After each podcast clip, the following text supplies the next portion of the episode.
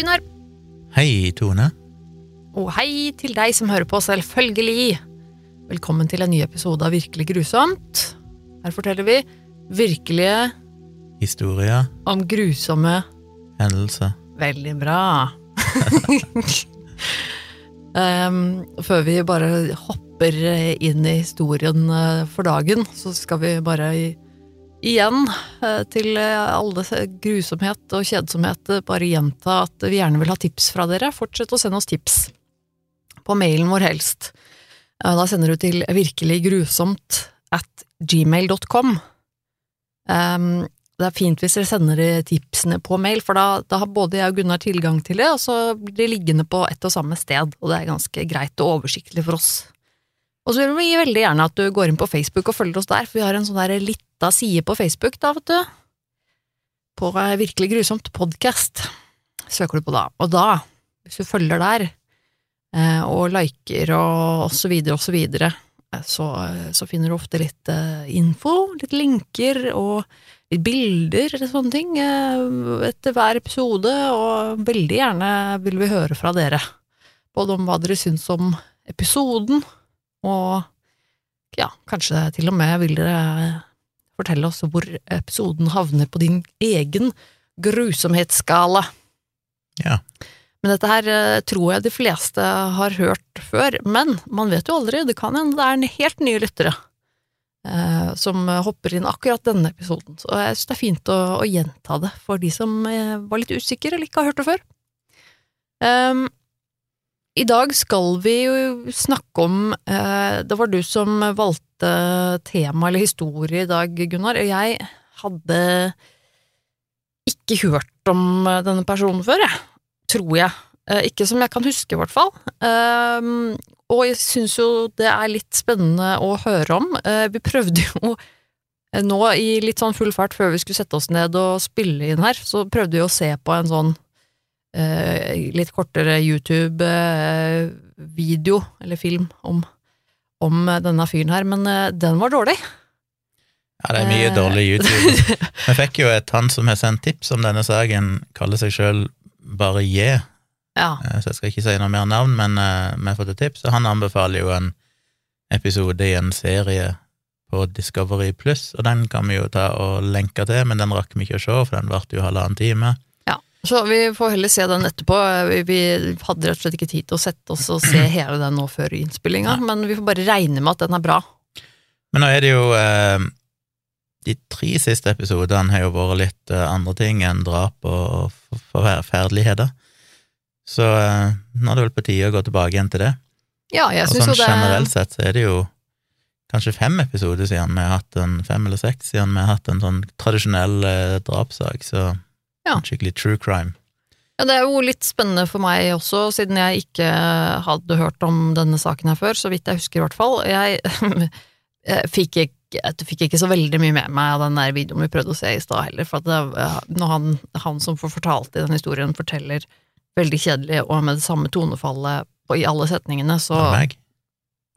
Nei. Nei, men han var liksom samme tonefallet i alle setningene, og det blir jeg liksom gæren av. Men eh, det var, rett og slett ganske dårlig video, og da, så da fulgte jeg ikke så mye med. Jeg tenkte det er mye mer spennende å uh, sitte her og høre på deg fortelle, fortelle om det, og så kan jeg late som jeg ikke vet noen ting. Ja, vi får se. Vi skal jo til en relativt uh, ny sak. Uh, Ja, var det det, ja? Iallfall i moderne tid. Vi skal til en, en Det som viser seg å være en ganske grusom fyr, som hadde navnet Joseph Edward Duncan the Third. Alltid rart når det er en sånn The Third. Det høres det ikke ut som at de skal være en grusom person. Det høres ofte litt sånn uh... Eller en grusom person er de kanskje, men kanskje ikke en morder direkte. ja, det, Jeg forbinder ofte det med Når du heter den, den andre og den tredje og sånn, i navnet ditt, så, så uh, forbinder jeg ofte det med veldig sånn, litt sånn velstående uh, fisefin familie, Ja. på en måte. Tror ikke han her var det. Han ble født i eh, 25. februar 1963 i Fort Bragg i North Carolina. Vi skal som vanlig til USA. Han var den fjerde av fem unger. Foreldrene het Joseph Edward Duncan jr. og Lillian May Duncan. Han hadde tre eldre søstre og en yngre bror. Mm. Faren hans var i militæret, i United States Army, og det medførte at de flytta veldig mye, både i rundt omkring i USA, men også litt i utlandet. Så de bodde stort sett bare på samme sted i ett til to år om gangen. Og det det gjorde jo at det var altså. nesten umulig for uh, disse ungene, og da primært iallfall Joseph Edward Duncan, å egentlig få sånne venner, for det er så fort han hadde så Mm. vidt fått sånne venner, så flytta de videre. Så det gjorde etter hvert at han uh, ga litt opp det egentlig, og ble litt, litt mer sånn einstøing, kanskje. Jeg skjønner ikke at det kan være liksom, holdt opp si lov, forsvarlig å gjøre når du har liksom små barn, og bare Nei, rive det- dem opp eh, hvert år, liksom, og aldri Men det kan jo gå bra. Jeg har hørt mange intervjuer med Ja. folk i WTF, med Mark Maron, som har intervjuet kjente folk. Og det er en del av de òg som sier sånn ja, faren min jobber i militæret, så vi flytter hele tida, men det ble jo folk av de òg, så Ja, jeg bare synes det høres så brutalt ut. Det Ja. kan selvfølgelig, altså, Jeg regner jo ikke med at det er sånn at alle blir ødelagt av det, liksom. Nei, men altså, Det må men- være spesielt å ikke ha en oppvekst der du får barndomsvenner på en måte som du Ja. har med deg over lengre tid, som de aller fleste egentlig har. Jeg syns i hvert fall det høres veldig vanskelig ut, men Det ble sagt at uh, mora hans var ganske dominerende. Uh, han, han, han eh, Joseph Edward Duncan hevda jo seinere at han hadde blitt seksuelt misbrukt av Det står jo ikke spesifikt av hvem, men eh, de antyder vel at det er mora ja. som kanskje misbrukte han. Men det har jo blitt motsagt av blant annet broren hans, som sier at det skjedde aldri, så vi vet ikke om det egentlig skjedde. Men hun var visstnok en ganske, ganske sånn eh, ja, iallfall dominerende og tøff dame, uten Ja. at det uten at vi vet hvordan det eventuelt påvirker han. Men ja, og så vet vi jo ikke altså Det kan jo hende at det skjedde, selv om broren eh, nekter for at det har skjedd, Nei. på en måte. Det, det er jo ikke sikkert broren nødvendigvis skulle kunne ha vite, vite det. Foreldrene til Duncan eh, ja, Duncan er jo etternavnet, men det er jo et fornavn, men de Mhm. omtaler han som Duncan her. Ja. Foreldrene hans eh, skilte seg i 1979, så da var vel han eh, 14 Nei, 16, 17 år gammel. 16 år gammel, cirka. Mm. Og søsteren hans flytta jo snart ut, og det var egentlig bare Joseph Duncan og hans yngre bror som de buende da med mora. Faren endte opp med å gifte seg med ei annen dame seinere, sånn at han fikk da en altså Duncan fikk en stefamilie. Og Duncan eh, gikk på en eller annen videregående skole, men han fullførte aldri den. Joseph Duncan hadde jo en interessant historikk, fordi han starta jo med ganske grusomme ting allerede i ung alder. Han, han, hans første seksuelle overgrep skjedde visstnok i 1978. Da var han 15 år. Det er ganske drøyt. Og da eh, voldtok han en ni år gammel gutt mens han trua han med pistol. Med pistol? etterpå-! 15-åring, han har fått tak i en pistol, shit. Er, Året etterpå så ble han tatt for å ha eh, arrestert for å ha kjørt i en stjålen bil. Han ble da dømt som mindreårig, og ble ja, sendt til en sånn ranch, der de sendte kanskje mindreårige som skulle sone en eller annen straff. ja. Men eh, ja, så der fikk han òg litt oppfølging av psykolog, og en av Han fikk det, ja? En av psykologene han snakka med der, så innrømte han at han hadde bundet fast og seksuelt ja, eller begått seksuelle overgrep mot seks gutter. Oi. Og han sa jo den samme psykologen at han estimerte at han hadde nok voldtatt 13 yngre gutter Og nå er han før fortsatt han 16, ble 16 år gammel. Oi. Så det drar han jo opp i Nå vet ikke om disse var overlapp på disse, men ellers er det jo opp mot en 20 unge gutter han allerede før han er 16 år gammel hevder å ha seksuelt misbrukt eller voldtatt. Det er drøyt. på en eller annen måte. I 1980 så stjal Duncan eh, en del våpen ifra en nabo, og bortførte en 14 år gammel gutt. Endte opp med å voldta han òg, mens han trua han med pistol. Og etter den hendelsen, der han da tydeligvis ble tatt, så ble han dømt til 20 år i fengsel for Ja. denne voldtekten. Men han slapp ut i 1994, han ble prøveløslatt etter å ha vært i fengsel i 14 år. Eh, mens han var ute og prøveløslatt, så flytta han litt rundt forbi. Han skal visstnok ha bodd flere forskjellige plasser rundt i Seattle-området. men ble arrestert igjen i 1996. Denne gangen var det for å være i besittelse av marihuana. Mm. Og så ble han sluppet ut igjen på prøveløslatelse noen uker seinere, men da fortsatt under forskjellige restriksjoner, da. Hvor gammel er han nå, cirka? Jeg er ikke så dårlig i hoderegning. Eh, da er han nesten ja, litt over 30 år gammel. Ja, ok. Han er jo godt voksen nå. Ja. Han satt jo tross alt i fengsel i 14 år, ifra han var Ifra han var 17 år gammel, eller 18 kanskje akkurat, 17-18 år gammel, så satt han jo i fengsel fram til han da var et par og 30, blir det vel, Ja, cirka. ikke sant. 31. Åh, da har du fått et dårlig utgangspunkt i livet, altså når du kommer ut av fengselet. Ja, jeg har ikke hatt noen ung voksentid i det hele tatt, i frihet. Uh, ja. Og så skal vi komme litt tilbake igjen til det som skjedde etter det, Mm. tror jeg. Vi må bare ta dette i, i riktig rekkefølge. Ja. Um, vi skal noen år fram i tid, til 16. mai 2005. Mhm. Da oppdaga ja, Nå står ikke det i denne artikkelen, men i den dokumentaren vi så, så ble det vel fortalt at eh, det var en nabo til en familie som besto av eh, ei dame som heter Brenda Groan, Groan som de kaller henne. Høres ut som det er et nederlandsk etternavn, Grøne, eller noe sånt, eller tysk. ja. Men G-R-O-E-N-E. Jeg kaller de for Grøne. Jeg tror det, det er sikkert det det egentlig heter, men på engelsk kaller de det for grown.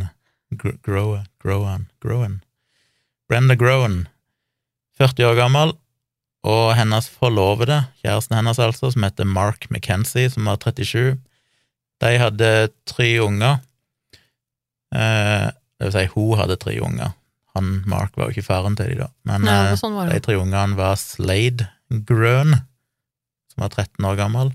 Jente. Nei, en gutt. Men det var gutten, ja. Og så hadde de òg en annen gutt som heter Dylan, som var ni år gammel, og ei jente som heter Shasta, Ja. som var åtte år gammel. Det var hun som hadde sånn rart navn. Ja, Shasta. Jeg tror ikke jeg har hørt det før. Og han eh, Slade, tror jeg det var, han, eh, de hadde vel vært på en eller annen barbecue hos naboen dagen før, eller noe sånt, og han Slade hadde vel òg klippet plenen til naboen og blitt lovt å skulle få noen penger for det, så hun nabodama hadde sagt at eh, jeg har ikke penger på meg akkurat nå, men jeg kommer bort i morgen og betaler deg. Mm. Da hun kom denne dagen, 16. mai, så oppdaga hun at det var liksom ingen folk der, eh, og hun så vel at det var noen dører og sånn som sto litt åpne, eller et eller annet, vet ikke om det var for bilene eller om det var i huset de sa, men hun syntes iallfall ting, det var et eller annet som skurra. Så hun ringte politiet og spurte om de kunne komme og bare sjekke at alt var i orden. Og da de kom inn i huset, så fant de da et ganske sånn makabert syn. Der fant de Brenda og Mark og Slade, alle drept, veldig blodig, slått i hæl. Mens eh, det som kanskje var enda mer forstyrrende omtrent og mystisk, det var jo at Dylan og Shasta rett og slett var borte. Mm. Dylan på ni år og Shasta på åtte år mangla, de var ikke der.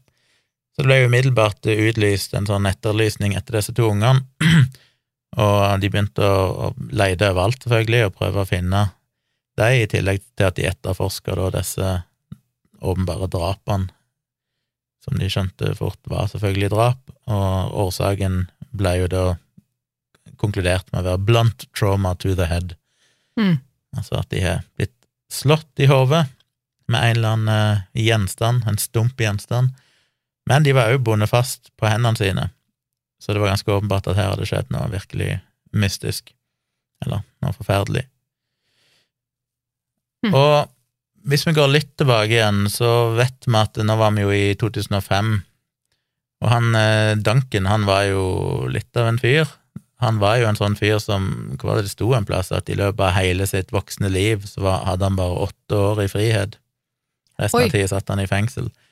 Men hver eneste gang han slapp ut, for han røyk inn i fengsel, og så var han der en stund, ofte så hadde han veldig god oppførsel, og slapp ut da tidlig med prøveløslatelse og sånn, for han hadde god oppførsel, men med en gang han var ute, så gjorde han jo kriminelle ting igjen, Ja. ganske ekstreme kriminelle ting. Han, eh, etter dette her eh, voldtekten av den 14 år gamle gutten i 1980, som fikk han til å sone i 14 år, da han da slapp ut i 1994, som sagt, og så ble han tatt i 1996 for å besitte cannabis.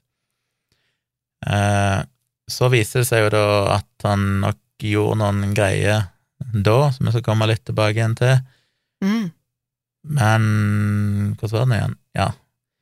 Eh, han var jo litt inn og ut av fengsel for forskjellige ting, men i 2005 så så ble han eh, sikta for å ha forgrepet seg på to gutter, en hendelse som skjedde året før, den 3. juli 2004. Og to gutter som hadde blitt utsatt for noen seksuelle overgrep i, eh, på en legeplass i Detroit Lakes i Minnesota. Og jeg vet ikke helt hvordan de fant ut at det var han, men iallfall i mars 2005 så ble han sikta for det overgrepet. Og i april, 5. april 2005, så måtte han stå foran en, eh, en dommer som da satte en sånn bail Har det et norsk navn? Nei, vi har Eller jo, vi har jo et norsk ord for det, men Vi snakket vel om det i en tidligere Um, episode. Da de hadde for, uh, uh, Kausjon. kausjon. Kausjon heter det. Ja. Stemmer. Mm. Da de satte kausjonssummen til 15 000 dollar. Og en eller annen eh, Som da vil si at du, du blir, altså, Du du blir satt i varetekt, og så kan Ja, du betale deg for å, et, betale en sånn eh, for å, for å komme ut, rett og slett, for å, for å ikke vente i fengsel til saken din kommer opp i retten, på en måte. Men da selvfølgelig med en del begrensninger, at du kan ikke reise av gårde og Ja. og ditten og datten. Eh, men han hadde en eller annen bekjent, en, eh, en eller annen businessmann fra Fargo, der han vel òg hadde bodd litt en liten periode. Tydeligvis ble kjent med en fyr som hadde valgt å, stille opp og betale denne kausjonen, sånn at eh, Duncan slapp å sitte i varetekt og vente på at saken skulle opp for retten. Men så fort han da slapp ut, så stakk han jo av Selvfølgelig. og brøt alle betingelsene, selvfølgelig. Og eh, 1. juni det året, i 2005, så ja, så offentliggjorde de vel en etterlysning for å, å finne Duncan, ettersom han hadde stukket av uten lov. Mm. Men som sagt, det var jo 1. juni 2005, og allerede 16. mai 2005 så eh, ble jo disse likene av denne Groen-familien funnet. Ja, rett før Ja, ok.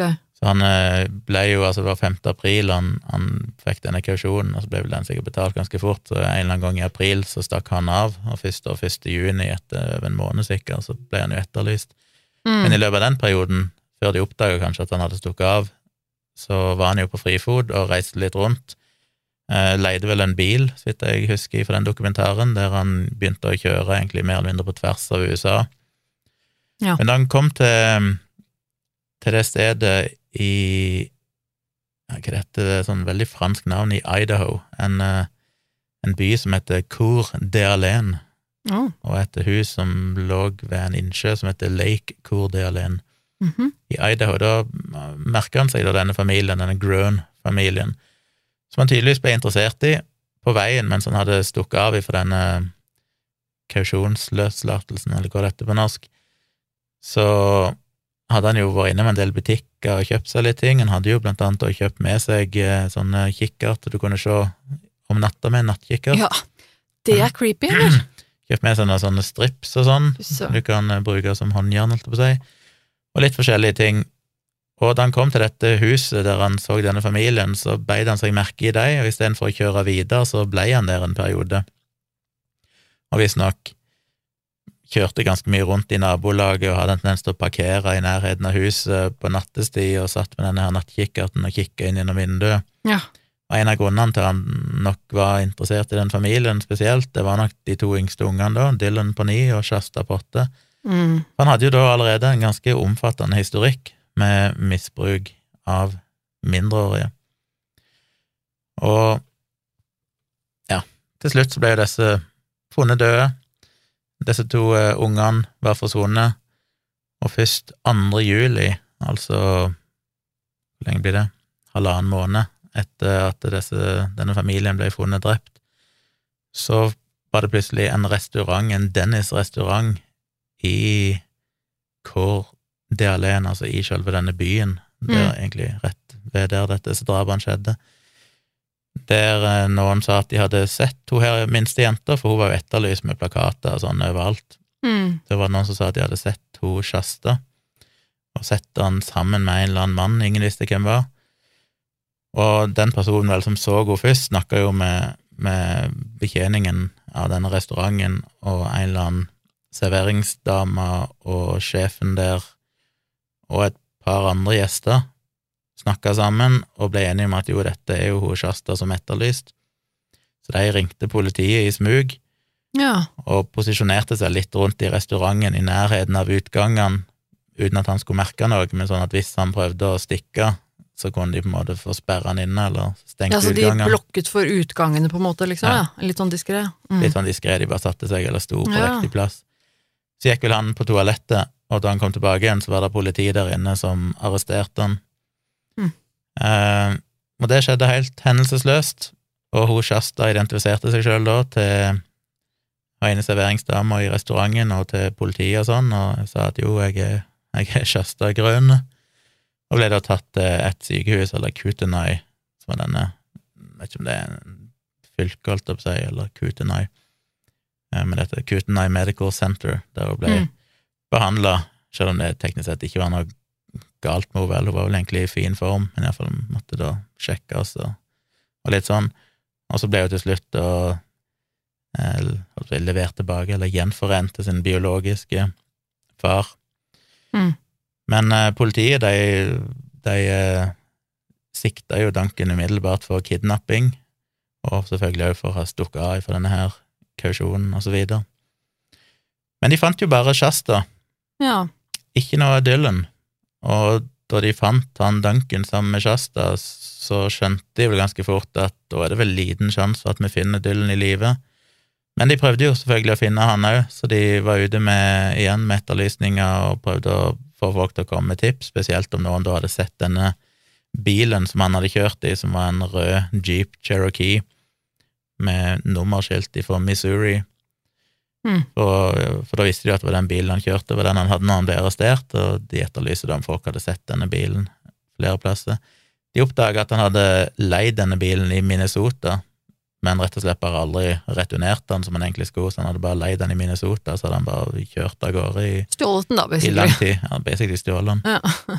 Og på en bensinstasjon i en by som heter Kellogg i Idaho, rundt seks-sju mil øst for der han til slutt ble tatt, så var det noen som oppdaga, eller som rapporterte at jo, de hadde de hadde sett han inne på den bensinstasjonen noen timer før han ble arrestert, Mhm. Og da hadde visstnok eh, den ansatte der mistenkt at hun jenta kanskje hadde, var hun der Shasta, ja. men alt virka liksom helt normalt. Han hadde bare kommet inn med ei jente, hun virka liksom ikke stressa eller noen ting, så han hadde bare tenkt at nei, det er sikkert ikke noen ting. Men, eh, Mm. men han skjønte han skjønte etter hvert at jo, shit, det er jo Shasta, og, og når politiet da ba om tips, så skjønte han jo at det må ha vært deg, så han kontakta de, og da viste det seg at han hadde jo overvåkingskamera og sånn, så politiet fikk se det. Men der òg viser seg jo at det var bare Duncan og Shasta i videoen, så fortsatt ingen Dylan. Eh, Så det gikk jo litt tid, men bare et par dager etterpå, den 4. juli 2005, så var det noen etterforskere som til slutt fant noen rester av et menneske i nærheten av en uh, liten sånn camping-site, med en provisorisk uh, camping en plass noen hadde campa, tydeligvis, da. Et ser som heter Lolo National Forest i nærheten av St. Regis i Montana. Og disse restene ble sendt til en FBI-lab i Quantico, Virginia, for å teste og sjekke DNA, og der ble det bekrefta at disse restene tilhørte da Dylan. Mm. Og akkurat eh, det drapet er ganske ekstremt, fordi hvis vi går litt tilbake igjen og ser hva det egentlig som skjedde, og det vi vet om hva som skjedde, har vi egentlig kun ifra Shasta. For hun eh, var jo den eneste som var i live etter alt dette her, og var det eneste vitnet til alt som skjedde. Mm. Og så fort hun var på en måte sjekka ut av sykehuset, så begynte hun å fortelle politiet alt eh, hun hadde opplevd. Og det vi vet, er ikke noe hyggelig. Hun sier at uh, hun lå og sov på natta, da plutselig mora hennes kom inn og vekte henne opp, og var litt sånn oppjaga og sa at det er noen i huset. Mm. Og så gikk de og henta Dylan òg, og så gikk de inn i stua, og der så de plutselig han Duncan da stå i stua deres med en pistol og svarte hansker på. Og han overmanna mora med en gang, og da bandt hun fast med sånne zip-ties, og fikk tak på faren Mark, eller mannen hennes, mener jeg, Mark, Ja. og fikk bundet han òg fast, og da den eldste broren Slade, som var 13 år gammel. Og Shasta og, og Dylan, altså de to små, de ba han rett og slett bare gå ut på plenen og sette seg ned, og det gjorde de. De var jo små og redde. Så jeg satt på plenen på utsida, og hun sier at mens hun satt der ute med bror sin Dylan, så hørte hun en del sånn dunke-hamrelyder ifra inne i huset. Hun så vel òg den eldre broren sin som plutselig ja, kom ut av, av, av uh, huset. Jeg skjønner ikke helt den beskrivelsen her, men så vidt jeg har skjønt, så så hun ikke at mora og stefaren, eller hva du skal kalle han, ble drept, hun bare hørte det. Mm. Men hun så vel at broren kom ut, og at Duncan kom ut og slo han sånn at han gikk i bakken. Åh. Omtrent samtidig, altså like etterpå gikk han vel og tok de to ungene og tok de med inn i bilen sin og kjørte av gårde. Og der kjørte han jo ganske lenge med de da, i, i flere uker, og Ja. de ble jo da gjentatte ganger utsatt for seksuelle overgrep og torturert i basically seks uker i strekk. Der han bare sier at, eller Shasta fortalte at de bare kjørte og kjørte, og så bare stoppa de på et par forskjellige sånne campsiter. Og der fortalte jo Duncan til dem at ja, han hadde slått i hjel familien hennes med en hammer. Så han var ganske stolt, tror tydelig, eller han fikk vel et kick tydeligvis av å skremme dem og fortelle dem hva han hadde gjort. Mm. Hun fortalte òg hvordan broren hennes, Dylan, ble drept. Duncan hevder jo i ettertid at den, det drapet var et uhell. Ja, det er Eh, veldig sannsynlig. og det starta jo kanskje muligens med et uhell, men eh, det hadde seg jo sånn at Shasta sto på den ene sida av denne her jeepen til Duncan da hun plutselig hørte et kraftig smell. Så sprang hun rundt bilen, og der så hun at Dylan lå på bakken og skreik. Og det som visstnok hadde skjedd, var at Duncan hadde vært baki i bilen eller et eller annet og drev og rota gjennom en kasse med, med en del dill som lå oppi, for han skulle se om han hadde noe mer øl, og så var det en pistol, nei, jeg tror det var ei hagle eller et eller annet, ei Mm. rifle, som eh, lå bak i bilen eller i denne kassen eller et eller annet som han hadde klart å utløse ved et uhell, sånn at eh, kula gikk rett i magen på Dylan, og han gikk jo rett i bakken. Men han levde jo fortsatt, og han lå der og skreik, og Shasta så så på at Duncan da tok dette geværet og bare pekte det mot hodet til Dylan og drog i avtrekkeren, men det gikk ikke an noe skudd. Og Dylan lå på bakken og bare ba Duncan om å ikke drepe han, Mm. men Duncan bare veldig kaldt gikk og ladde dette geværet på nytt, pekte det igjen mot hodet hans og drog i avtrekkeren igjen, og Dylan ble jo da drept momentant Foran øynene på lillesøsteren foran øynene på Shasta. Og ja.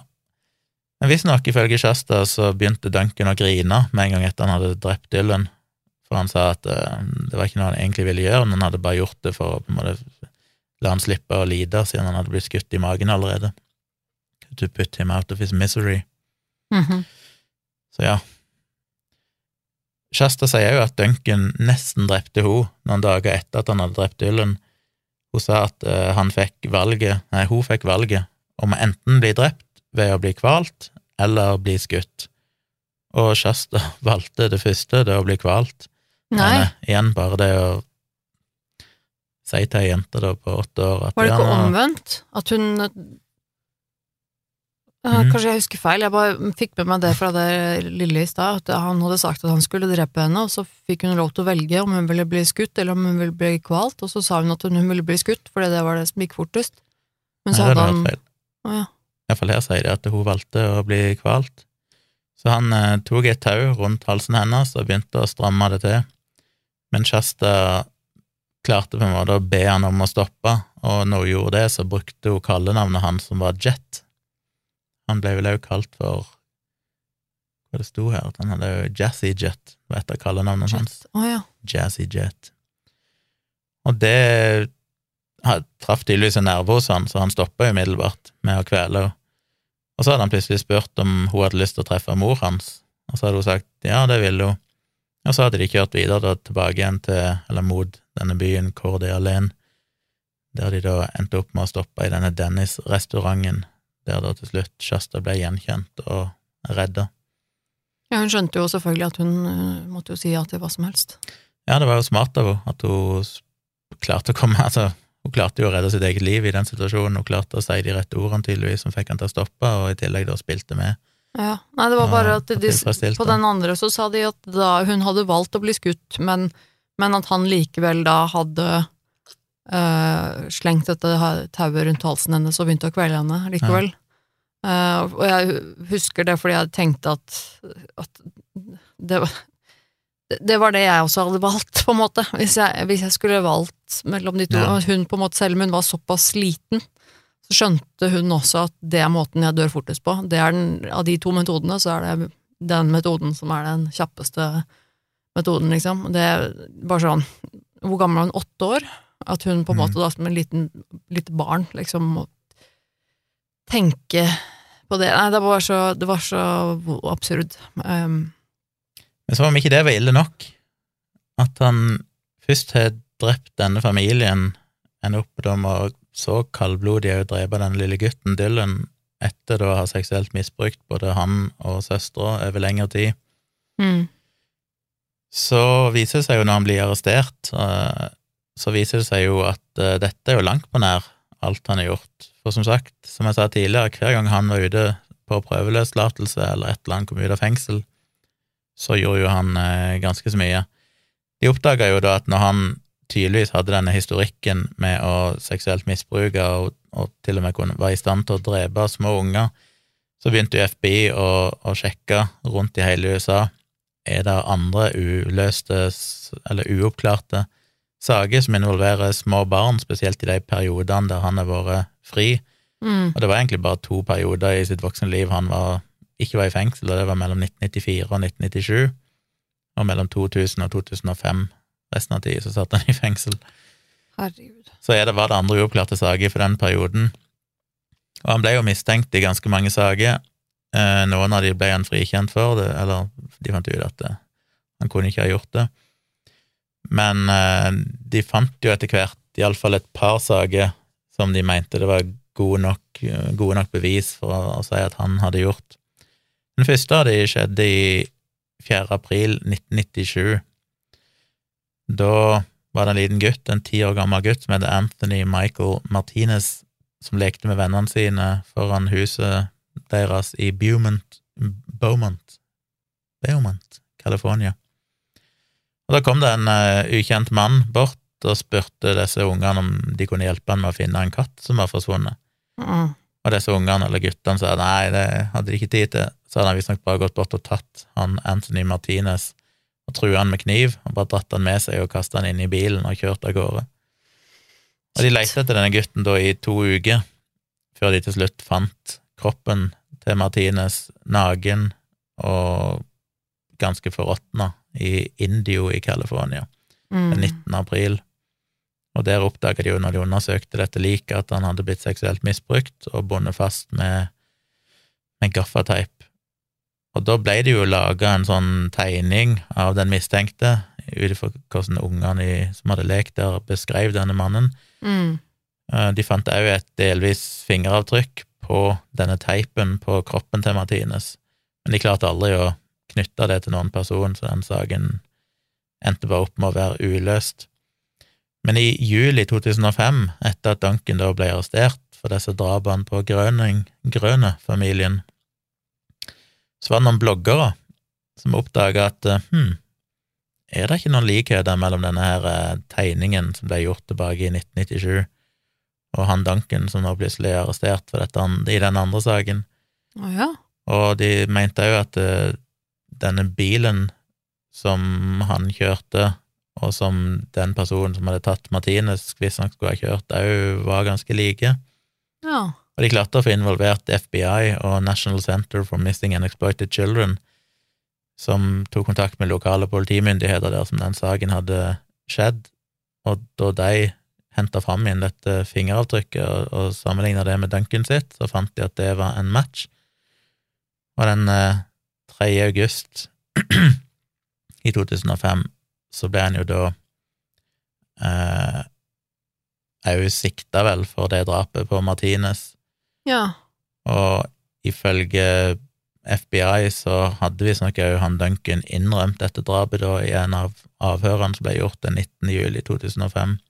og hevda da at det drapet på han lille gutten Martinez, det var en hevn mot samfunnet for at de hadde sendt han tilbake igjen i fengsel etter han hadde fått prøveløslatt, eller at han hadde brutt noen betingelser i prøveløslatelsen, så han hadde blitt så sint at han hadde gjort det. Å, herregud, for en dust. I tillegg så var det jo en annen sak der Shasta, altså hun jenta, hun fortalte etterforskeren at Duncan hadde fortalt henne om andre kriminelle ting han hadde gjort mens hun var kidnappa. Da var det blant annet eh, han innrømte hun at han hadde drept denne Anthony Martinez, men i tillegg at det var to jenter i 1996 som ble drept i en sak som aldri ble oppklart. Og det var jenta som heter Sammy Joe White, elleve år gammel, og hennes halvsøster Carmen Cubias, som var ni år gammel, som begge forsvant mystisk 6. juli 1996 etter å ha forlatt et eller annet hotel, eh, motell i Seattle. Og deres eh, eller skjelettrester av de to jentene, ble funnet 10. februar i 1998 i Botheld i Washington. Men det var en sak som aldri ble oppklart, før da Shasta fortalte at Duncan hadde sagt at han gjorde det òg, og det endte Duncan opp med å innrømme og sa at han hadde slått de to jentene i hæl, rett og slett. Så det begynte jo å bli en del eh, saker etter hvert. Og det ble jo en komplisert rettsprosess òg, for det var mange instanser og områder involvert der. Ja. Han endte vel opp med at han måtte, eller saken måtte prøves da i tre forskjellige eh, rettssaler. En i Idaho District, som gjaldt kidnappingen og drapene på Brenda og Slade og Mark. Altså Brenda og Slade Grøn og Mark McKenzie, de tre i familien. Eh, I United States District Court for the District of Idaho så ble han eh, sikta, da, eller ble saken ført for kidnappingen av Shasta og Dylan Grøn, okay. og mordet på Dylan Grøn og litt andre typer kriminalitet. Grunnen til at det ble prøvd i en annen rettssal, er fordi at der hadde de kryssa statsgrenser, så det var plutselig en føderalsak. Så derfor ble det en egen sak eh, separat ifra foreldrene og broren som ble drept, for det skjedde liksom da i, innenfor én stat. Hva sånt og komplisert det skulle gjøre det? Og så i en, eh, en rettssal i California for kidnapping og mordet på Anthony Martinez. Mm. Han ble vel aldri noen gang sikta for drapet på de to jentene, Sammy Joe White og Carmen Cubias, visstnok. Nei, de hadde vel ikke noe bevis? Ikke noe- Han innrømte Sikkert. det jo visstnok, men de hadde oh, ja, ikke noe bevis okay. for det, så Ja. Ellers vet jeg ikke, kanskje det bare Det er mulig at det var fordi at det skjedde forresten Mulig at det skjedde seinere, etter alle disse andre rettssakene skjedde, Oh ja, sånn at sånn, ja. han allerede satt i fengsel, og alt mulig, at det vet ikke Det ble kanskje ikke gjort noe videre med det. Nei, å ja, ok. Ja, det kan jo hende. For det ja, jeg er ikke helt sikker. Men eh, det er en ganske lang og komplisert rettsprosess, Ja. men han ble jo Det er jo litt sånn delvis absurd på en måte, eller ikke absurd, det er så vidt riktig, men i denne her første, i Kootenai County Court, 13. juli 2005, 2005 så ble han sikta for tre tilfeller av eh, Det er vel det som heter for eh, overlagt drap, Mhm. og tre tilfeller av kidnapping, eller overlagt, holdt jeg på å si, kidnapping, planlagt kidnapping, eller hva du kaller det på norsk. ja. Det var da de sakene med Brenda Slade Grøn og han Mark McKenzie. Og som sagt, de hadde først òg tenkt å sikte han da for, eller stille han for retten for disse kidnappingen av Chester og Dylan, men fordi de hadde kryssa statsgrenser, så ville de heller utsette den saken og la den heller bli tatt på føderalt nivå. Um, ja, så ble det litt utsettelse av saken og bla, bla, bla. Eh, Den gikk vel relativt fort, tror jeg. Endte opp med at han ble dømt til tre etterfølgende livstidsdommer uten mulighet for prøveløslatelse Ja. for de tre kidnappingssakene. Oh, ja. Og så var jo spørsmålet hva skal han bli dømt til for selve mordene? For det er separat. altså Kidnapping er jo egentlig bare det at han bandt de fast. I det øyeblikket du binder noen fast, så har du kidnappa Han fikk dem. livstidsdom for kidnapping? Ja, for det er kidnapping med døden til følge. Oh, ja, så, ja, ok. Ja. Men det er likevel separat for selve drapene. Ok. Så han fikk tre livstidsdommer etter hverandre, så allerede der er du liksom da Da sitter du i fengsel selvfølgelig resten av livet, og du har ikke mulighet til prøveløslatelse eller noen ting. Ja. Allikevel må de gå videre med selve drapssaken, men der vil de først vente til denne føderale saken, som gjaldt Shasta og Dylan, var gjennomført. Mm. fordi at der kunne han få dødsstraff. Oh, ja. Og hvis han fikk dødsstraff, så er jo først sjokk han ble dømt til der.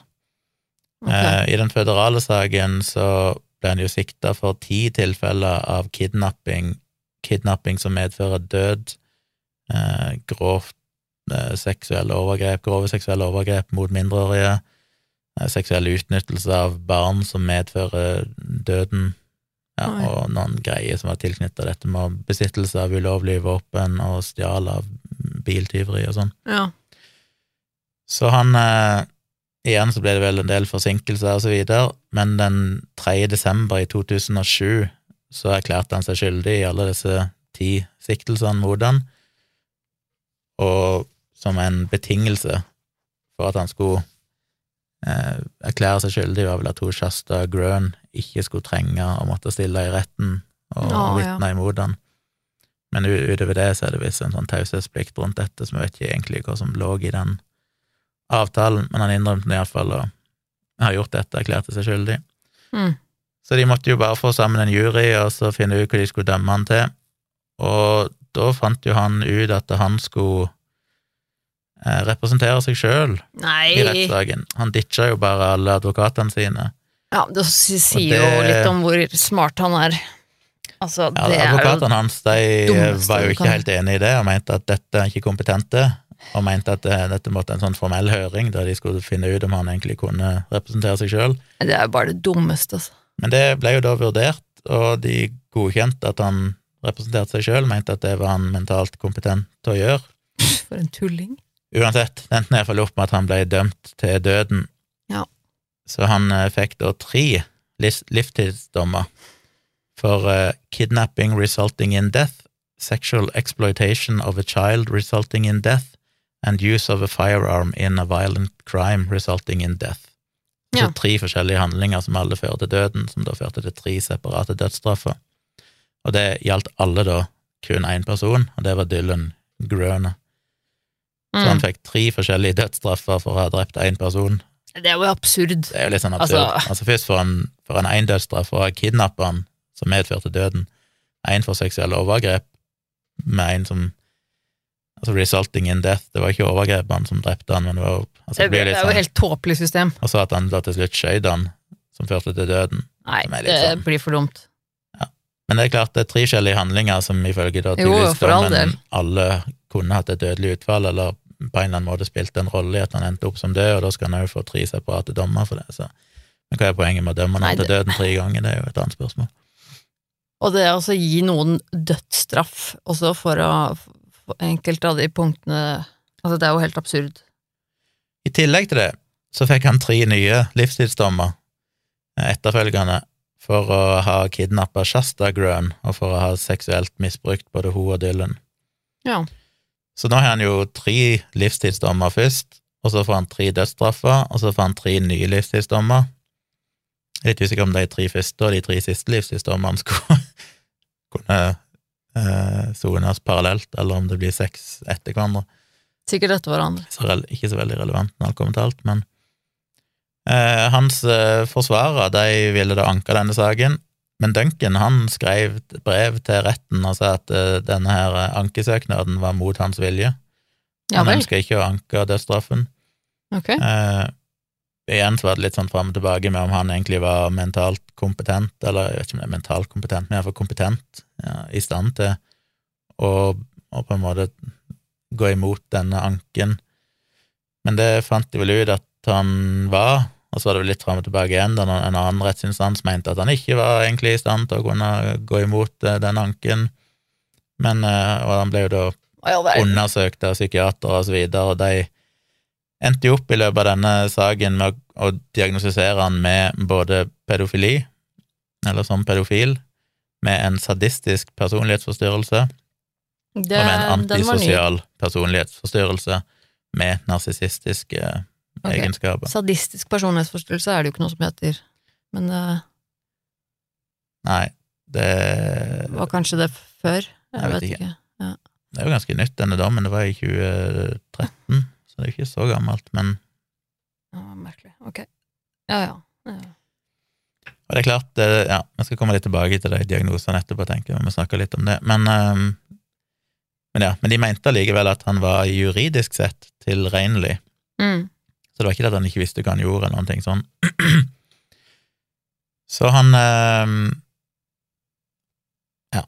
Og så var det jo den siste saken med han eh, Martinez. Den ble jo ført i California. Først var det litt problemer med å få han utlevert til California for å, å kunne bli stilt for retten der. Blant annet så jobba jo guvernør Arnold Schwarzenegger med å prøve å få han til å bli utlevert, og det skjedde til slutt i januar 2009, fem måneder etter han fikk denne dødsdommen på føderalt nivå. Mm. Og den 15. mars 2011 så innrømte han, eller erklærte han seg skyldig i drapet på Martinez, og fikk da igjen to livstidsdommer. Der òg, i 2011. To Ja. for Sikkert én en person. sikkert en for kidnapping med døden til følge, og en Ja. for selve drapet. regner jeg med. Eh, Der ble det jo inngått en eller annen sånn, eh, hva heter det, en plea deal, en slags avtale Forlik, liksom. forlik Ja. eh, der han vel mista all rett til, til anke Mhm. og til prøveløslatelse. Ok. Eh, ja, der, der òg kunne han visstnok ha blitt dømt til døden Er de dødsstraff i California? Hadde jeg ikke trodd. Jeg er litt usikker på, er faktisk. California som er en så liberal og progressiv stat. Anyway. Det er så mye her med disse her Ja, det er at det sikkert vanskelig ikke så viktig heller, en sånn i. Iallfall. Han fikk iallfall et tonn med livstidsdommer Ja, og noen dødsstraffer oppå hverandre, så det er jo litt sånn selvmotsigende, men Ja, det hørtes jo helt tåpelig ut, syns jeg. Det blir sånn sirkusaktig, altså. Når du, når du skal få flere livstidsdommer enn mennesker du har drept. Ja. For meg så, så blir jeg det helt sånn tåpelig. Altså, ikke at han ikke fortjener det, men jeg syns det blir litt sånn herre altså, Det blir sånn klovnete rettssakaktig. Det, det, det blir sånn dette forliket i California, så vidt jeg skjønner det, det var vel at han kunne visstnok ha fått dødsstraff der òg, som jeg syns høres veldig rart ut, men ok. Uh, men han uh, slapp det som en del av det forliket, da. Så fikk han heller bare livstid i fengsel, eller to livstidsdommer. Og en av grunnene til det, at foreldrene til han Martines hadde gått med på det, det var fordi de hadde visst sagt at de ville bare få avslutta denne saken, bli ferdig med han. Og så hadde de sagt at eh, det føderale systemet kommer til å drepe han lenge før staten av California kommer til å noen gang ville vurdert å gi han en dødsstraff. mm. Et eller annet sånt. De mente jo jo at han hadde på en måte allerede fått dødsstraff for de andre sakene, så det hadde jo ikke så mye betydning om han fikk dødsstraff i denne Martine-saken, så lenge han ble sittende inne resten av livet i fengsel. Det kom jo fram etter hvert at før han ble arrestert for disse drapene i 2005, så hadde visstnok Duncan en, eh, en nettside, jeg vet ikke om det var en blogg eller en slags blogg, som han kalte for The Fifth Nail. Og det spiller litt på det at eh, ifølge uh, myte, alt jeg på si, så ble det jo brukt fire spikere for å feste Jesus til korset, men det var visstnok en femte spiker som ble tatt vekk og gjemt av romerne. Så det er vel ikke noen dokumentasjon på det, alt jeg å si. Det er vel en nesten her eh, minner litt om hva de heter de her bøkene? Hæ? Tom Hanks spilte hovedrollen i filmen. De her bøkene om den katolske kirken og alle sånne her, om at Jesus egentlig overlevde og gifta seg med ei eller annen. Jeg har ikke lest bøkene. Men i hvert fall, det er mye sånn mytologi rundt Jesus da, som liksom avviker for det som er i Bibelen, med sånn hemmelige greier. Ja, da, da er du langt utafor min uh, interesse. Ja. Så han tok iallfall det navnet, da, The Fifth Nail, til bloggen sin. Men jeg fikk ikke det helt på stemme, at det Er det fire? Ble ikke Jesus da Altså, er det ikke e- ett i hver håndledd, og så ett på mellom til beina? Jeg trodde da, På de, alle de der skulpturene og avbildningene, Ja. så har han sånn én nagle som går gjennom begge føttene. Jeg trodde Ok. Jeg trodde det var tre, jeg. Men Altså, det er jeg, en som bøyde seg, så de måtte bruke to. ja. ja, men jeg, jeg er ikke så veldig kompetent på akkurat Jesus-tema, må jeg si. Men, Nei, det var mm, svakt hvis de måtte bruke fire, når de kunne klart seg med tre. Ja, det syns jeg er sløsing. Um, mulig det var en til dette her skiltet de hamra opp over hodet hans, som det sto et eller annet på. Å ja. Kanskje det var det, ja, kanskje det. er den fjerde. Hva er det som står på den? Det burde jeg Jeg huske. ikke. Nei, det husker jeg ikke, altså. Men iallfall på denne bloggen da, så skrev han litt om livet sitt som en eh, convicted sex offender, for det, han innrømte jo i bloggen sin at han hadde sittet i fengsel mange ganger for å forgrepe seg på barn og sånn, men han benekta der at han var pedofil, og hevda da der at han hadde blitt seksuelt misbrukt sjøl som barn. Men enda mer interessant var det at etter han havna i fengsel for disse drapene, så dukka det opp ei nettside på Blogspot, eller en blogg på Blogspot, som heter Joseph E. Duncan III returns to the web from federal death row to expose the meaning of the fifth nail. Jaha. Og der eh, ble det visstnok skrevet bloggposter på vegne av Joseph Duncan, av en eller annen anonym person som kalte seg for Silenced, som hevda at han da fikk brev ifra Duncan ifra fengselet. Men vi vet at det ikke var han selv. Ja, måte. så han satt jo i fengsel, så han kunne ikke ha gjort det. Men spørsmålet Nei, er jo ja, nei, kunne okay. han ha sendt disse brevene. Ifølge forsvareren til, til Duncan i denne ene rettssaken, så sier han at eh, Ja, eller de ville vel ikke uttale seg om det kunne være Duncan som egentlig holdt på seg gåsehud blogga ifra fengsel. De har jo ikke noe tilgang til internett i fengselet, så det kunne ikke gjort det sjøl. Og de skanner jo, leser gjennom alle brev som går ut, for å bare sjekke at ikke de prøver At ikke det er noen bestillinger om noen Mm. sånne ulovlige ting som de vil ha inn i fengselet, eller om det er hjelp for å planlegge rømning ja. eller sånn. Men de blir ikke lest så nøye, så det er ikke sånn helt umulig at, at det kan ha fungert som en form for analog blogging by proxy, holdt jeg på å si. Ja, Så det er mulig at det er han som har skrevet det. Ja, for han hadde jo ikke tilgang på internett i det fengselet, nei. Det er litt annerledes der, sånn sett. Da de fant bilen til Duncan eh, ut forbi denne restauranten der eh, hun Shasta ble til slutt redda, så fant de jo blant annet i bilen et videokamera. Og disse som satt i juryen i denne føderale saken som omhandla drapet på Dylan, så var det ganske tøft, for å si det mildt, og det kan jeg godt forstå.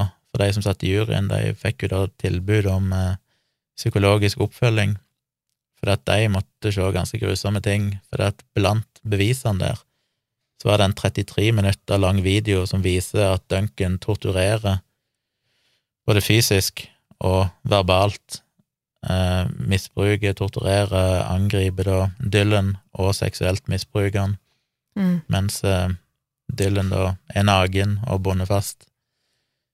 Og der får du òg se Det viser seg at dette tydeligvis er filma innendørs i noe som ser ut til å være noen sånne små campinghytter eller noe sånt. Det er kanskje noen av de plassene de stoppa på veien. Ja. Eh, De måtte òg se bevis da, som inkluderte da noen av restene til Dylan, altså kroppen hans som de fant. Um, ja, og så var det jo flere videoer visstnok som viste at Dylan ble torturert. Og på en av videoene så kan du høre et barn som skriker av smerte, mens eh, Duncan, Duncan sjøl står naken på videoen og roper at The devil is here, boy, the devil himself, the devil likes to watch children suffer and cry. Så som jeg sa tidligere, han fikk jo tydeligvis en nytelse av å rett og slett bare skremme de og være så jævlig han kunne. Ja. Så i løpet av seks uker da, så stikker han jo av med disse to ungene, og egentlig bare kontinuerlig torturerer de og liksom skremmer de og voldtar de, og helt til Dylan da blir drept. Ja. Shasta, hvordan gikk det med henne, da? Eh, hun overlevde jo dette som den eneste, og i 2016 så starta hun en sånn eh, underskriftskampanje som hun kalte for eh, Slade and Dylans Law. På det tidspunktet var hun 19 år gammel, for å hedre sine to brødre, da, Dylan og Slade, som ble drept av Duncan. Og i denne underskriftskampanjen så ønska hun å, å få en lov som sa at folk som var fengsla for seksuelle overgrep, aldri noensinne skulle slippe ut av fengsel igjen. Så basically alle skulle få livstid. Mm. Som i praksis betyr at denne her eh, three strike rule for violent sex offenders, som visstnok finnes, da, at hvis de gjør det tre ganger, så får du livstid i fengsel. Og Den Mm. skulle bli redusert til én gang. Blir du tatt én gang, så er du livstid i fengsel. Jeg vet ikke hvordan det gikk med den, men det sto at når den underskriftskampanjen da ble avslutta, eller når de hadde samla inn, så hadde han fått 51 820 signaturer. Eh, Så hvordan det går med henne nå, det vet jeg ikke. Nå er hun vel noen og 20 år gammel, i midten av 20-årene. Så det er jo alltid Det står ikke noe mer om henne, så jeg vet ikke. Nei. Derimot, hvordan gikk det med Duncan? Vel, i oktober 2020 så måtte han gjennomgå en hjerneoperasjon, for han ble diagnostisert med en glioblastom, altså Ja. En svulst eller en tumor, rett og slett, i hjernen. ja, er det, ja, det er en aggressiv Det er en ondarta svulst, det. Ja. Hjernesvulst. En hjernesvulst. Så han fikk eh, den operasjonen, men han nekta å få eh, cellegift eller noe strålingsbehandling. Uvisst hvorfor, kanskje fordi han tenkte at det er like greit at døgnet, dør nå, jeg vet ikke om han bare ønsker å dø. Men iallfall de som jobba med leger sånn i dette sykehuset, estimerte det at han hadde mellom seks og tolv måneder igjen å leve. Og han døde da i fjor, 28. mars 2021, i en alder av 58 år, og kroppen ble kremert. Mm. Tenk om eh, det egentlig var sånn at det var den svulsten som gjorde at han Ja. eh, At han eh, var så gæren og gjorde alle de Jeg lurer på hvor den Så- sulten satt den i hodet, hvis han var framme i frontallappen, så Da måtte han ha hatt den der i veldig mange år, da. Altså, Ja. Siden han var liten, liksom. Så det er jo veldig litt sannsynlig. Men det var bare en tanke som slo meg. Tenk om det faktisk hadde vært eh, det som var Nei. For å oppsummere da hva han egentlig endte opp med det han har gjort, så er det sannsynlig at han drepte et sted mellom fem til åtte personer. Ja. Vi vet ikke helt sikkert. Barn, det da, kan egentlig. være stort sett barn, ja, men også noen voksne. Ja. Han eh, skal ha voldtatt et sted mellom 3 og 16 personer. Ifølge han sjøl så er det jo i det øvre sjiktet der, Mm. men det er vanskelig å finne bevis for det. Han skal ha begått seksuelle overgrep mot et sted mellom 1 og 7 personer, sannsynligvis bare barn. Ett forsøk på overgrep, og han skal ha stalka én til tre personer. Så det er ganske heftig, heftig kriminell historikk. Og han, eh, som sagt, han ble jo 58 år gammel, men ifra den perioden han var 18 til 58, så hadde han bare åtte år som i frihet. Og i løpet av de årene der så begikk han jo stort sett overgrep eller drap hele tida. Jo, bare eh, skikkelig dust, liksom. Altså, Ja, altså de, I mange sakene vi snakker om det, så har vi jo en sånn Er det noen formildende omstendigheter her? Ja, eller altså at Eh. man kanskje blir litt interessert i å på en måte forstå hvorfor, at det er et eller annet som ligger bak, at man på en måte kan se et eller annet ord, men Ja, ikke formildende, men, men på oppklarende på et vis. Altså, at, bli sånn. at, eh, at man, og, man, og jeg i hvert fall kan jo ofte føle litt empati for, for mange mennesker, selv om de har gjort veldig Ja, ja. grusomme hendelser, så kan man føle empati at hvis det er mennesker som, som selv har, har blitt sviktet på groveste vis i, i sin barndom og så, og så videre, men, men han, altså den historien om han fyren her, jeg får bare sånn derre ah, som For en dust, liksom. Bare er jo null eh, Altså, bare høy på seg sjøl, og bare en narsissistisk idiot som bare hadde en eh, liksom tilsynelatende ingen god grunn for å gjøre det han gjorde, eller bli bli som han ble. Og igjen, når du ser uh, Eh, bilder av han, så ser han jo egentlig ganske han, ser ikke ut som en sånn skikkelig herpa kriminell fyr. Han ser egentlig ganske streit ut. Når du ser bildene i dress og sånn, så kunne han bare vært en helt random businessmann, liksom. Det var ikke sånn jeg forventa han skulle se ut når jeg satt og leste denne historien, og så fikk jeg se etterpå bildet av han, så oi shit, han så mye mer streit ut enn det jeg så før meg at han ville. Nei, det er litt sånn Vi har eh, Den saken her, eller den, den historien om han, det er en sånn eh, eh, som jeg bare merker at jeg kommer garantert bare til å glemme han. I morgen så husker jeg ikke navnet hans lenger. Mm.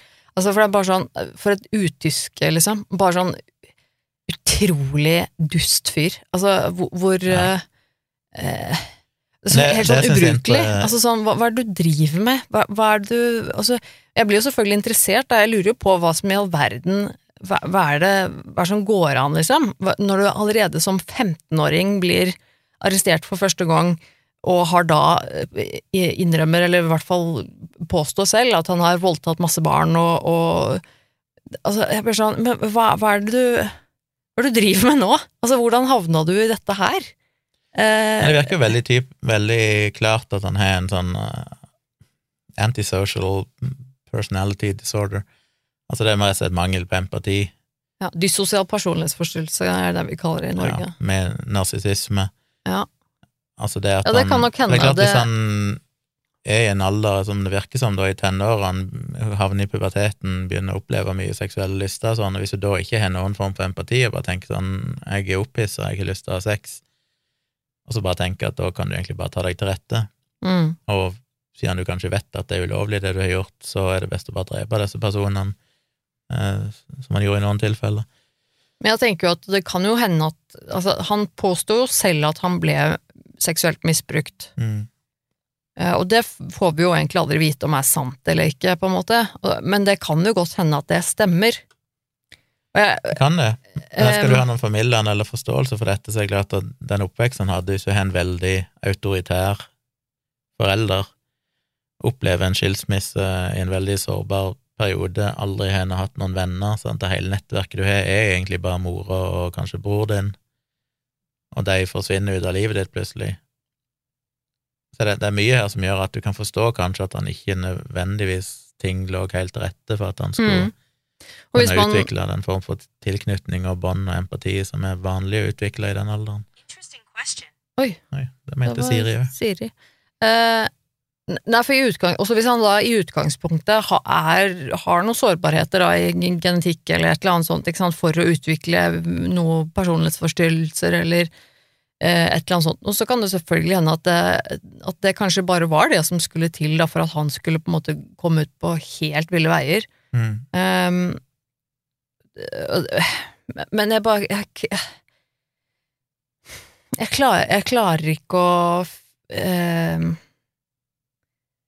det, det, for, meg, for meg blir det på en måte det det omtrent det styggeste jeg kan si om noen. Det er sånn, Han her fins ikke interessant engang. Nei, det er Altså, vanskelig å for- for forstå hva som sånn- egentlig skjedde med han, for han var jo en fyr òg som Han ble jo vist Altså I motsetning til enkelte andre vi snakker om, så er det ikke som at det virker som han her ble ivaretatt ganske godt av systemet.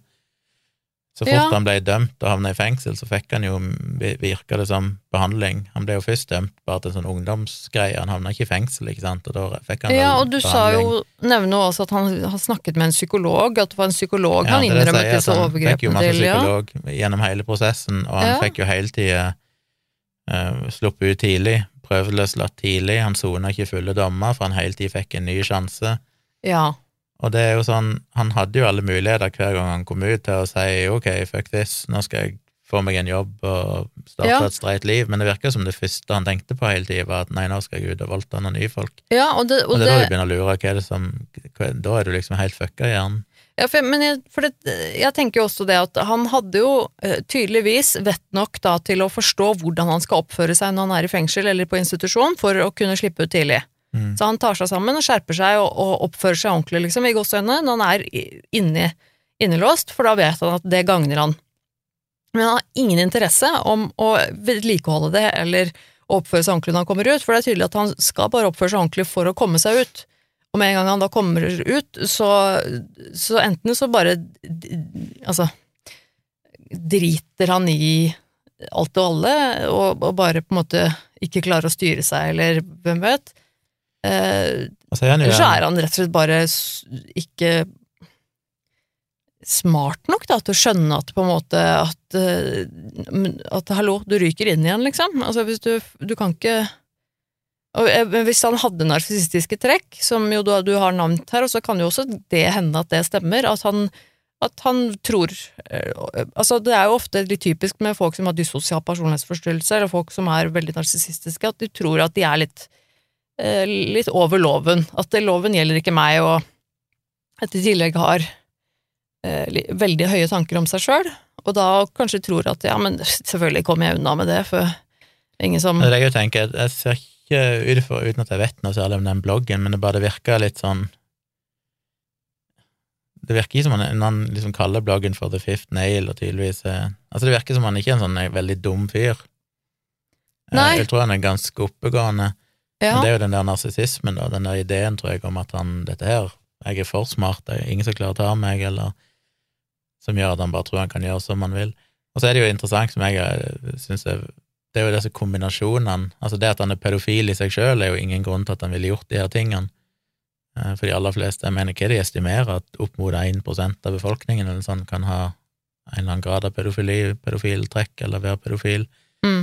Men det betyr Men det jo ikke at man, har, at man gjør noe kriminelt, ikke sant. Nei, men det er jo når du kombinerer det med den der eh, personlighetsforstyrrelsen der du mangler empati, det er jo de pedofile som er farlige, Ja. og det er jo de du ikke klarer å behandle som regel, fordi at de skjønner ikke helt greia. Eh, Det blir jo litt som egentlig med vanlige folk, at en vanlig ikke-pedofil person kan jo, har jo òg potensialet til å voldta og begå mm. overgrep, men det er jo stort sett hvis, hvis du er Hva du kaller det? Antisosial? Dyssosial? Nei, du Ja. Antisosial eller dyssosial, Ja. begge deler er riktig. Det først når du har det, når du har den mangelen på empati, og kanskje i tillegg har noen sadistiske trekk, at du blir en sånn serieovergriper. Ja, da har ikke, du i hvert fall, hvert fall ingen respekt for på en måte lover og Pedofilien sier jo egentlig Og... ingenting om at du skal gjøre noe galt, den Nei. sier bare hvem du kommer til å gjøre noe galt med, Ja, fordi sant? du har de andre Ja. Så hvis du har en, en dyssosial personlighetsforstyrrelse og har voldelige tendenser, kanskje er veldig narsissistisk, og, og du på en måte utagerer mot mennesker, så, så Og du da i tillegg har en, en pedofili-legning eller parafili, så vil jo det da mest sannsynlig være barn du da vil utagere mot. Det synes jeg er litt viktig, for det er så typisk i sånne saker at det er liksom pedofil som blir trukket fram, det vi snakket om før. Ja, for jeg tror jo Som ikke det det er det det som er drivkraften, men det er det jo ikke. Det vil jo bare styre deg i en retning når du først har andre drivkrefter, som da her vil være en antisosial personlighetsforstyrrelse, sadisme, Ja. videre. Jeg vil også tro det. Jeg vil, jeg vil jo absolutt ikke tro at, at hvis han ikke hadde vært pedofil, så hadde han ikke gjort noe kriminelt. Altså, for det, det, er- det, det er ikke logisk i forhold til de diagnosene han har blitt fått tildelt heller, For altså, det er jo en, en av de kriteriene Hvis man har dyssosial personlighetsforstyrrelse, så er det nettopp det med at man ikke respekterer lover og regler, og, og, så, og være øh, å være eh, sant, antisosial, altså være imot eller eh, det, vi gjør i samfunnet, og det, sosiale på en måte eh, avtalene vi har oss imellom, at man ikke respekterer det. At man ikke har de, de samme altså, så, det, så jeg vil også si det at det, den pedofilien hans eventuelt er jo egentlig er nok ikke relevant for hvor kriminell han var. Så vet vi ikke helt nok om historikken hans, eller iallfall vi vet ikke nok, det kan godt være at andre vet nok, det er sikkert skrevet mye om han som ikke jeg, vi kjenner til. Eh, kanskje de sier noe om det i den dokumentaren vi skal se. Men det er jo hvorfor har han utvikla disse trekkene, inklusiv pedofilien, er det noe som er medfødt? Vi vet jo ikke så mye om disse tingene ennå. Mm. Eller kan det være et resultat av at han i en sårbar alder, når han utvikla seg, begynte å liksom bli et seksuelt vesen, mangla tilknytning, eh, omsorg, kjærlighet, alt dette her, Mm. fikk utløp i å ta det ut på yngre gutter, primært, og at det da festa seg som en sånn, at det forma han og, og låste seksualiteten hans til Ja. at det var sånn seksualiteten hans var. Jeg har Vanskelig å si. Ja, eh, jeg har også hørt altså En ting jeg også har på en måte eh, Om det er en teori, eh, eller hva det er altså, Vi vet jo ikke ordentlig sikkert hva pedofili er, om man skal kalle det en parafili, eller om det er en legning, eller Alt det er jo litt omdiskutert, men, men jeg syns også det er en interessant teori, hvis man kan kalle det dette med som som du sier nå, at, at la oss si det er en, en person, da, i de fleste tilfeller, i hvert fall som vi vet om, så er det jo menn eller gutter, som da vokser opp og blir i, i tenårene eller i ungdomsårene, hvor man da begynner å utvikle en eller annen form for seksuell interesse. Og da har man jo, altså som de fleste av oss, har på en måte en en, en eh, Det er jo i hvert fall vanlig å ha en seksuell interesse overfor eh, mennesker som er cirka på din egen alder. Og det er jo ganske naturlig da, at hvis du er 15, så er du kanskje opptatt av andre som er på din egen alder, eller eh, yngre enn det, så kanskje litt yngre, ikke sant. Men altså, den, akkurat det du sier med at, med at det på et, på, av en eller annen grunn så, så blir ikke den, den seksuelle interessen utviklet sammen med årene dine, på en måte. At du, at du selv om du blir eldre, så, så har du på en måte satt deg fast i akkurat det aspektet der med din seksualitet, da, at det er på en måte noe med den Det er det jeg aldersgruppen med at vi, at, at vet måte ikke nok om han. Nei, jeg syns det, det- det er interessant Det er tydelig at han, han gikk jo mest på gutter, primært. Ja. Og det er jo det den hypotesen Eller- går på, ja, at det gjorde han det? som Ja. Var det ikke bare gutter og jenter? Han sa jo at han hadde drept et par jenter, men eh, det virker som at det var primært Dylan han forgrep seg på, når han var tenåring, så forgrep han seg jo primært på andre gutter. Ok, så det var primært gutter. Og Ja. noen få jenter, men det stort sett gutter. Ja. Og det er jo en, av teoriene, og det er vel egentlig han Tore Langfeldt sin teori, jeg vet ikke hvor etablert den er, men at, eh, at det kan være folk da som egentlig er homofile, og som føler så mye skam rundt homofilien sin at eh, når de begynner å oppdage at de har en seksuell tiltrekning mot gutter, da, hvis du er mann, Mm. eller gutt sjøl, og føler så mye skam rundt det at du aldri kan leve ut den seksualiteten din, så stagnerer den på en måte på. I den alderen, etter hvert som du vokser opp, så, så Ja. utvikler aldri seksualiteten seg videre. Det vet jeg ikke om stemmer, men det er jo en sånn ting som hadde vært interessant å vise visst med han Joseph, da, Ja. om det var noe der, om, om familien hans var prega av noe sånn religiøsitet eller homofiliskam, eller Ja, jeg, om det at han tydeligvis var tiltrukket av gutter, om det var noe som han skamma seg så mye over at det òg ble en sånn jeg tenker aspekt ved det. Jeg er så litt nysgjerrig på med en gang jeg tenker sånn, eh, og, for å spille videre på det du akkurat sa, eh, at man også kanskje i den situasjonen, eh, kanskje man litt sånn underbevisst søker mot, mot yngre eller mot, mot barn på grunn av at det kanskje føles tryggere.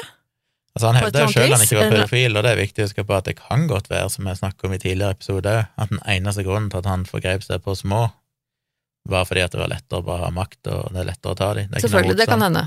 Du trenger ikke ha noe med at han egentlig har noen interesse engang for små unger seksuelt. Nå tar vi jo bare utgangspunkt i det som står i så han fikk jo en pedofildiagnose, hvor godt underbygd den var, om den var mest basert på handlingene hans, eller om de egentlig hadde noe grunnlag for å si at han egentlig var tiltrukket av barn, det vet vi jo heller ikke, så det Nei, Han sier jo sjøl han ikke var pedofil, men det kan jo selvfølgelig bare være fordi han ville renvaske seg sjøl på et vis, eller fjerne en Ja. stigma. Det, er jo, og det kan man jo selvfølgelig forstå, med så stigmatisert som det er å bli kalt eh, pedofil, så kan jeg godt forstå at han på en måte ønsket å ikke Og i hvert fall når han visste at han skulle i fengsel, at han på en måte ville nektet for det uansett. Det, Mm. det er jo ikke så rart i så fall.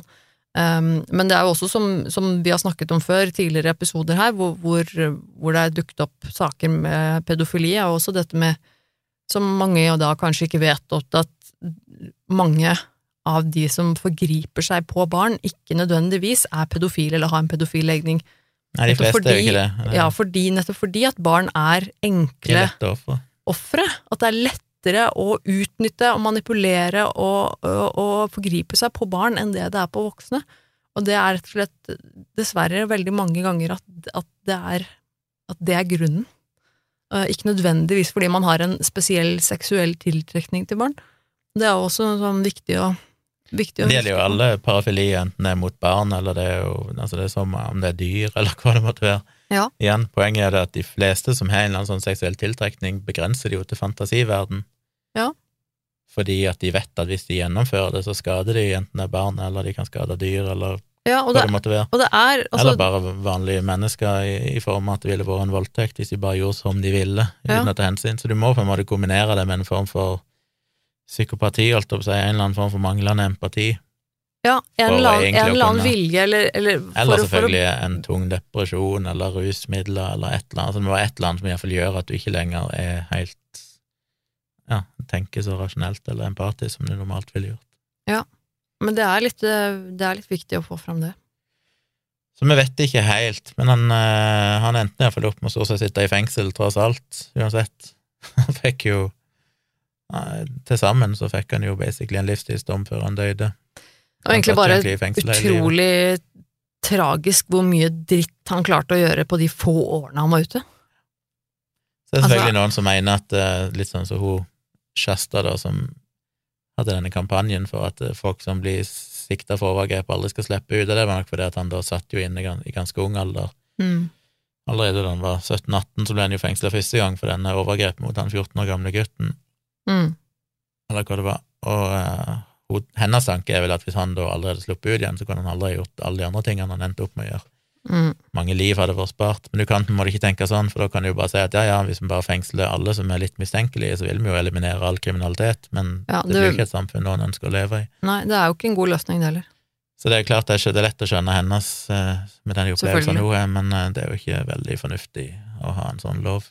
Nei, det er jo ikke det som løser problemene, en sånn lov til. Spesielt når vi vet at så mye overgrep og sånn er mye mer komplekst. Altså, det handler jo om Det er ikke alltid folk bare gjør det for å være jævlige, men det er for det, det De kan ha vært utsatt for overgrep sjøl, og det kan være mye som de trenger hjelp. De trenger ikke å sitte inne i fengsel resten av livet. Mm. Selv om det de har gjort er grusomt, så må vi kunne se på det med litt mer nyansert. Så.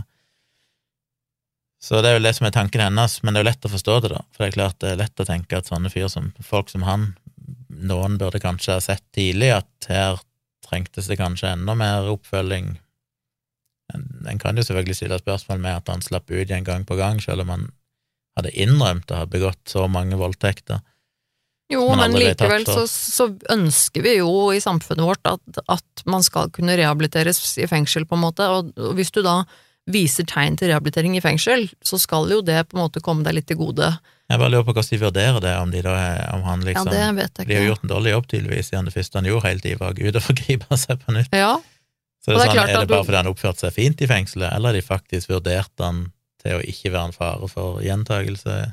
ja det veit jeg ikke åssen de gjør det i staten, altså. Det er sikkert veldig forskjellig, altså. Men uh... Jeg skjønner jo de som kan si at her var det jo kanskje noe som gikk galt. Han burde nok kanskje ikke men Ikke at han skal sitte i fengsel hele tiden, men kanskje han burde hatt mer krav om oppfølging, behandling. ja, jeg tenker jo også at hvis han har noen sånne type diagnoser, så er det Jeg vel tror ikke kanskje jeg han kunne kanskje, Han er nok en av de tilfellene som veldig vanskelig kan behandles, når det er en kombinasjon av diagnoser. Ja, det er vanskelig. Det er, ja.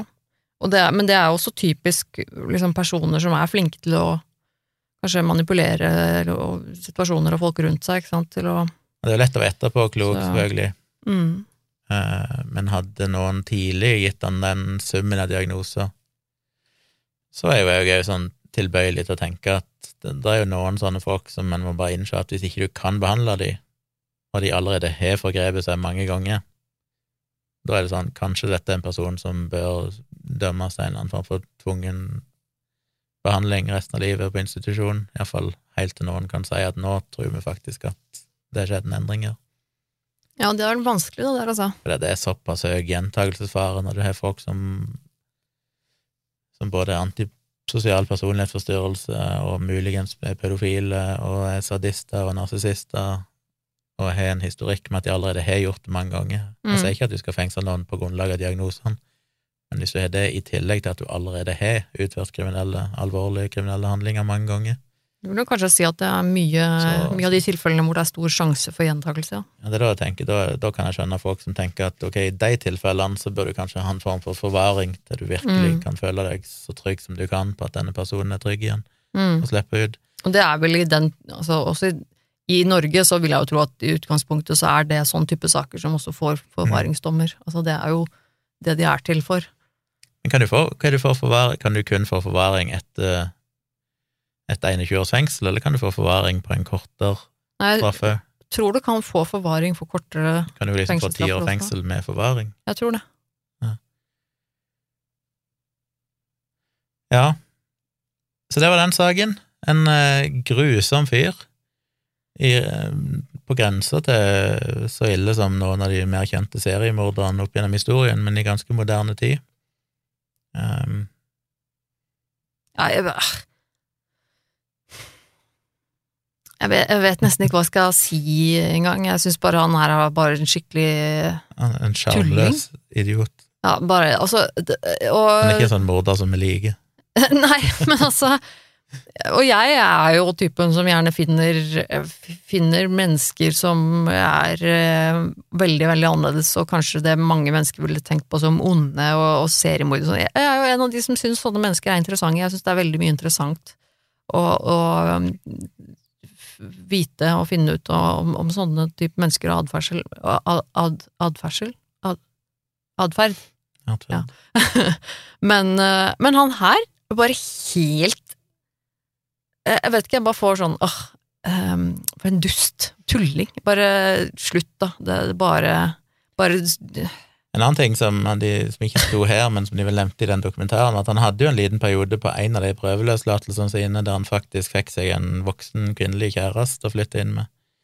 Åh. Og det er jo litt sånn, ok, så kanskje han Det er tall jo kan, med mindre det bare var en eller annen form for skalkeskjul eller et eller det annet. var det jeg, skulle, Det var det Men altså, det kan jo tyde på at han ikke nødvendigvis at han hadde en seksuell attraksjon mot voksne damer, at han ikke nødvendigvis var verken homofil eller pedofil, og at det da mer var bare ja, lette ofre, at han bare hadde behov for å Ja, men være jævlig, men jeg vet jo ikke. det å Jeg skulle gjerne visst mer om han hadde andre kjærester noen ganger, om han hadde Ja. noen seksuelle relasjoner til voksne eller kvinner i det hele tatt, eller om det kun var Men det å skaffe seg en, en, en, eh, en, en jevnaldrende kjæreste liksom, i voksen alder, det kan jo være mange fordeler med det. Og jeg tenker jo at det, er, at det kan godt hende at det er sånn han så på det, at det, um, at det er en, en, en, del av hans på en måte uh, måte å manipulere seg til uh, fordeler. Uh, for, for det, det, kan det jo være, ikke sant, og fordeler å ha noen å bo med, dele økonomi med, og kanskje han får sex, ikke sant, for det, da har han en som er glad i han. og det er jo ofte ofte det psykopater også gjør, på en måte. At de, de tilfredsstiller noen, noen behov som, eh, som, dem, ja, som, gjør at de har fordel av å ha en eller annen kjæreste, men at det egentlig ikke er så mye mer enn det, på en måte. Ja. Ja det var den saken. Skal vi rangere den? Ja, vi må nesten det. Men pff, den her Han tust, dusten her, tullingen Altså, jeg vet ikke Jeg skulle til å si han fortjener ikke noen rangering. Den er jo mange sånn- multiple eh, drap, flere av de på små unger, ekstremt mange voldtekter, overgrep på små unger, tortur, jævelskap Ja, nei Stalking. Ja Ni. Men ikke sjarmerende nok til å få en tier. Men, ja. Nei, og, men det er én ting Ikke sjel nok i historien. Nei, men så syns jeg ikke Men det er jo ille det han har gjort. Jeg må det er jo nesten, ja, selvfølgelig den, ille. må nesten gi den nier på skalaen men, for hvor ille det er. Ja, men det er jo andre vi har snakket om i, i denne serien, eller denne podkasten, som, som, har gjort tilsvarende ting, men som egentlig har vært mer grusom. Eh, likevel, så jeg ja, syns jo på en måte ikke han havner helt øverst på skalaen. Altså Den torturen det var snakk om her, vet vi ikke så mye om. Nei. Den er nok mer sånn ble bundet fast og, og verbalt jo, torturert og sånn. Vi vet jo heller ikke så, mange, så, mye om hvor mange han egentlig har drept, eller hvor mange han har forgrepet seg på, eller altså Det er jo veldig mye usikkerhet her. Jeg bare tenker Sammenlignet med tidligere eh, saker der torturen har vært veldig eksplisitt. Ja, eh, ja. Detaljert og grusom. Ok, jeg senker det til en åtte, jeg, da. Ja, han får åtte av meg òg. Åtte is the final verdict. Hvis dere har en annen mening om denne saken, så gå inn på Facebook-sida Virkelig grusomt podkast og skriv i kommentarfeltet når vi poster denne nye episoden i løpet av mandagen. Eh, der finner dere òg et lite cover-art-bilde og litt linker, dere mm. kan kikke på. Kanskje vi lenker til en video eller to, hvis vi finner noe interessant. Og så er det bare å fortsette å sende noen tips på virkeliggrusomt at gmail.com. Fortsett med det. Som jeg har sagt tidligere, Skriv gjerne en kort, liten uh, synopsis av saken, altså to-tre setninger om hva det handler om. Ja, ikke bare send et navn eller en link, for det iallfall ikke hvis det er en video, for da er det stress for oss å måtte kikke gjennom en lang video for å finne ut er dette egentlig interessant å snakke om. Så gi dere en liten oppsummering, så sparer dere med mange mange mailer her og skanner gjennom, og da er det greit. Større sjanse for at saken din blir brukt hvis du gir dere en god presentasjon. Samtidig så er det ikke vits i å skrive hele saken, som noen gjør når de skriver en lang avhandling, og så i tillegg har linker, for det, vi kommer til å basere oss på linkene uansett. Så jeg trenger ikke gjenfortelle alt, men bare liksom noen stikkord, noen setninger om hva som er interessant med denne saken. Så ja. det var vel alt. Da er det vel en vanlig uke neste uke, så regner vi med å komme med en ny episode neste mandag òg, til vanlig tid. Ja, så vi må bare takke for følget nok en gang. Og del gjerne tips om podkasten vår eh, med en venn eller to, hvis du har lyst. Vi eh, mm. vil gjerne ha flere lyttere. Det setter vi også stor pris på. Ja. Ok. Vi er tilbake om ei uke. Ha det. Ha det.